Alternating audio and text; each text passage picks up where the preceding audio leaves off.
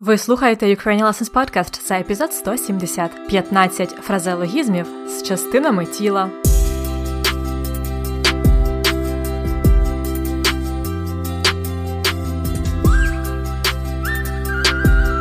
Привіт-привіт!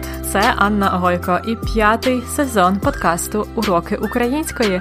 Подкасту для всіх, хто вивчає і любить українську мову.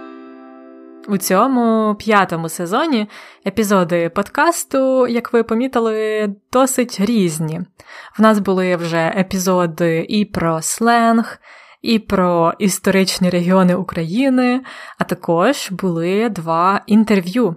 До речі, наступне інтерв'ю вже буде наступного тижня. Тому не пропустіть цього епізоду, на який я запрошу дівчину, яка працює в Ukrainian Lessons як контент-менеджерка, а також е, вона музикантка, тому почуєте її історію. А сьогодні в нас особливий епізод, бо сьогодні не буде рубрики 10 корисних речень. Натомість я хочу поділитися з вами цікавими фразеологізмами. Я знаю, що багато хто з вас любить цю тему, правда? Тому я підготувала для вас 15 ідіом або фразеологізмів з органами тіла людини. Угу. А для тих, хто оформив преміум підписку, хочу сказати, що разом з конспектом уроку цього тижня ви отримуєте флеш-картки Анкі. По-перше, там будуть корисні речення з рубрики 10 корисних речень. Ви будете практикуватися, перекладати їх е, з англійської на українську мову і навпаки. А по-друге, до карток ми додамо також ці 15 фразеологізмів з сьогоднішнього епізоду. Ну що, готові починати?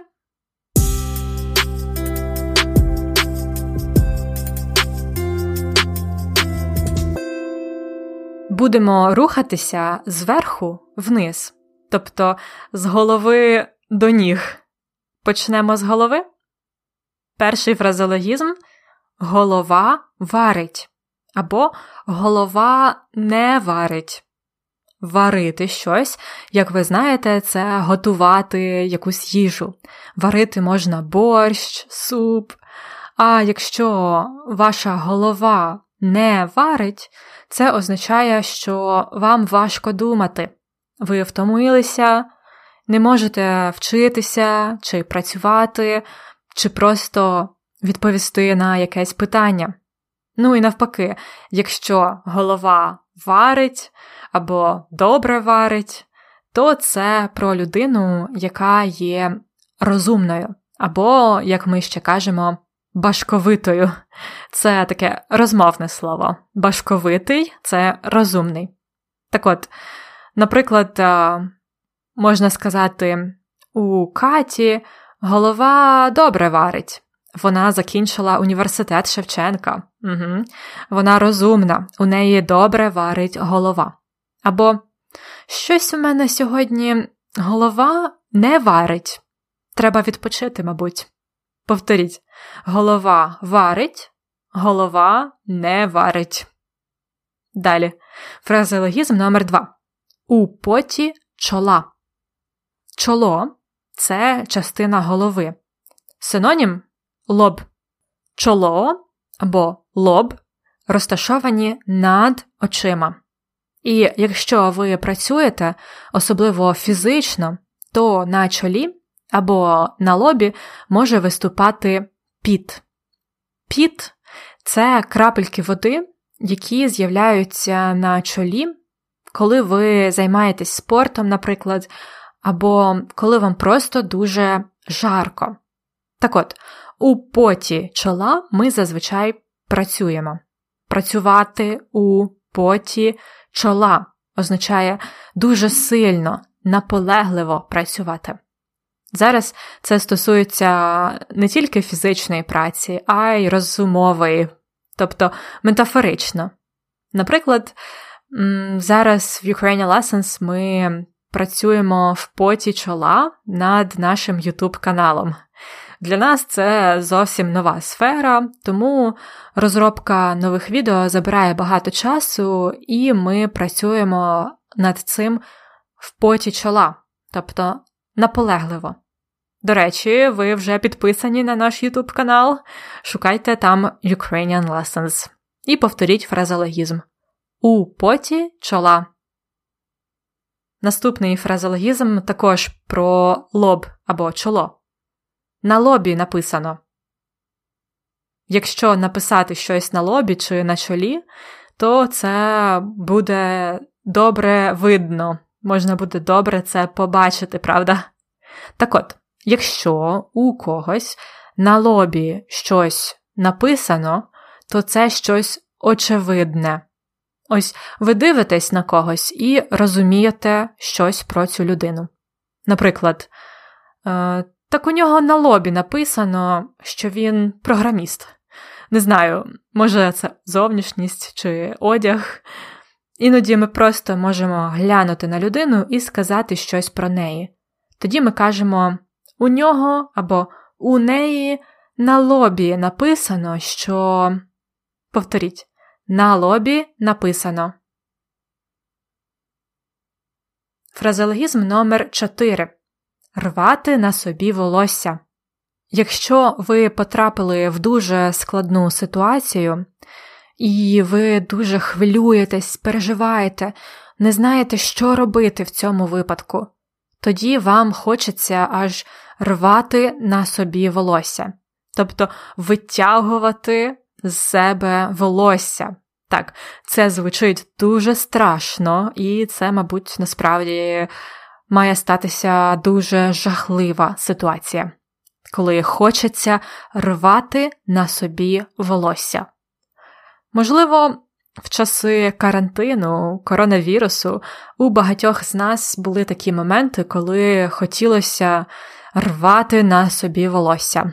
Наприклад, це коли хтось з ваших знайомих захворів, чи ви захворіли, або коли просто не було більше надії на краще, чи набридло сидіти вдома. У мене точно були такі моменти, коли хотілося рвати на собі волосся. Сподіваюся, далі буде краще. Повторіть фразеологізм. Рвати на собі волосся. Далі номер 5. Аж очі на лоба полізли. Уявіть собі таку картину. Очі налізають, тобто наближаються ближче до лоба, тобто очі йдуть ніби вверх. Це зазвичай стається в мультфільмах, так? А саме коли ви дуже здивовані, коли вас щось дуже вразило, здивувало. Також це можуть бути інші сильні емоції. Наприклад, коли ви дуже злякались, відчуваєте страх. Тож, коли ви здивовані чимось або почули якусь несподівану новину, якийсь сюр... сюрприз, ви можете сказати, у мене аж очі на лоба полізли. Тобто я сильно здивувалась, я здивувався, аж очі на лоба полізли. Фразеологізм номер 6 Насупити брови. А це ще одна емоція насупити брови, тобто звести брови разом. До речі, брови це ось це таке волосся перед вашими очима, над очима. Коли хтось насупив брови, то ця людина сильно задумалась, зазвичай про щось серйозне. Якщо хтось сидить і думає про щось, серйозно розмірковує, то ви можете сказати, що це ти насупив брови? Про що ти думаєш? Насупити брови. Фразеологізм номер 7 Вуха розпустити. Отже, ви зараз е, слухаєте цей подкаст. Можливо, ви його слухаєте, розпустивши вуха. Розпустити вуха означає слухати щось дуже уважно, забути про все на світі і тільки слухати. Зазвичай, е, правда, це має трохи негативну конотацію, тобто означає, що людина слухає когось дуже віддано, аж занадто, так довірливо. Тобто в таких випадках е, той, кого ми слухаємо, може насправді вводити нас в оману, тобто дурити, говорити нам якусь неправду, а ми слухаємо, розвішивши вуха. Не завжди треба слухати, розвісивши вуха. Треба думати про все критично, про все, що ви слухаєте. Повторіть. Розпустити вуха. Далі восьмий фразологізм на носі. Ніс на носі. Якщо у вас щось на носі, то ви це можете бачити дуже близько, правда? Так от, на носі це про те, що наближається, щось дуже близько або скоро станеться. Наприклад, зараз я записую цей епізод у 2020 році, а отже, на носі 2021 рік. Тобто він наближається, він скоро, 2021 рік, на носі. На носі. Дев'ятий фразологізм закопилити губу. Угу. Губи це частина навколо рота. Закопилити губу або губи означає запишатися, зазнаватися. Це фактично, коли людина занадто високої думки про себе і не хоче робити щось, що її просять, не хоче підкорятися іншій людині. Наприклад, хлопчик е, сидів, закопили в губу і не хотів їсти овочі. Він казав: Ні, не буду їсти овочі, і все, і закопили в губу. Повторіть, закопилити губу. Фразологізм номер 10 Тримати язик за зубами. Якщо ви не рухаєте язиком, тобто тримаєте язик за зубами, то ви не можете говорити. Правда? Ви мовчите. Отже, тримати язик за зубами означає мовчати. Ви можете сказати комусь: Я розповім тобі один секрет, але ти нікому не кажи. Тримай язик за зубами. Повторіть тримати язик за зубами. Фразологізм номер 11 Намотати на вус. Вус це частинка вусів. Вуса та борода це волосся на обличчі, зазвичай в чоловіків.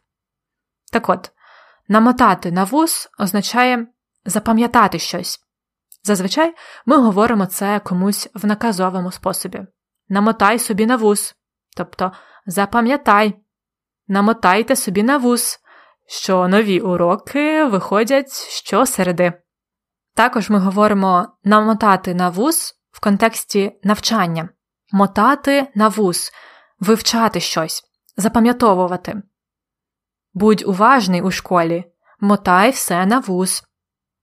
Повторіть намотати на вус. Фразологізм номер 12 Покласти руку на серце.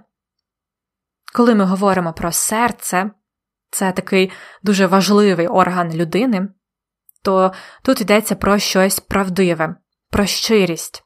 Поклавши руку на серце, це говорити правду, сказати щось чесно, тобто, чесно кажучи, поклавши руку на серце. Наприклад, поклавши руку на серце, мушу сказати, що працювати вдома це не завжди весело. Повторіть покласти руку на серце. 13. Допікати до печінок. Печінка це орган в тілі людини, liver англійською. І насправді в кожної людини є одна печінка, але в цьому фразеологізмі це множина до печінок.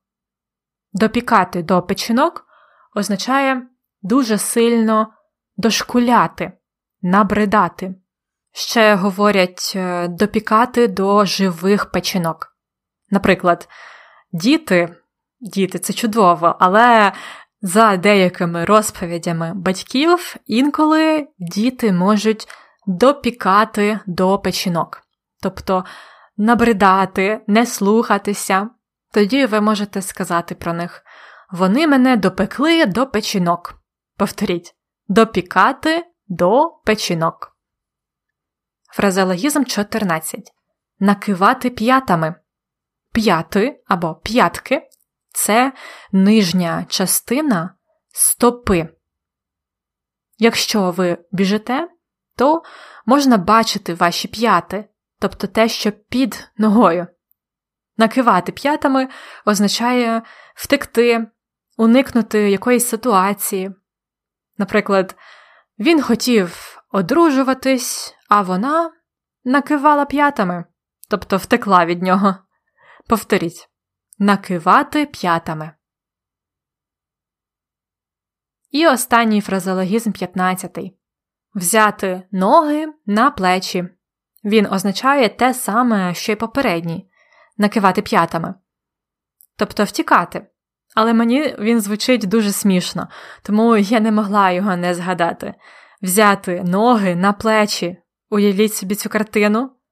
Тобто покласти ноги на плечі це нереально, а це означає втікати, причому швидко так втікати. Також може бути швидко бігти або ще поспішати, спішити. Бери ноги на плечі, мерщій сюди. Тобто швидше приходь сюди, бери ноги на плечі. Повторіть. Взяти ноги на плечі. Добре, а зараз пропоную повторити ще раз всі фразеологізми, а також нагадую, що вони будуть в конспекті уроку і в картках Анки для тих, хто оформив премію підписку. Отже, голова варить або голова не варить. Працювати в поті чола. На лобі написано Рвати на собі волосся. Аж очі на лоба полізли. Вуха розпустити. На носі. Закопилити губу. Тримати язик за зубами. Намотати на вус. Насупити брови. Покласти руку на серце. Допікати до печінок. Накивати п'ятами. Взяти ноги на плечі.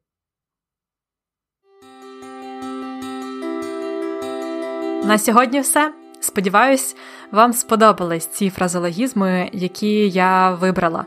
Вони справді корисні, і ми справді їх використовуємо в українській мові. А взагалі, думаю, що кожен десятий епізод е, п'ятого сезону я буду розповідати вам про якісь нові фразеологізми. Як вам така ідея? А також нагадую, що конспекти уроків і картки з реченнями і фразеологізмами доступні для тих, хто оформив преміум підписку. Більше про це можна дізнатися за посиланням ukrainianlessons.com риска епізод 170 ukrainianlessons.com episode 170 Бажаю вам всього найкращого, гарного дня чи вечора і на все добре!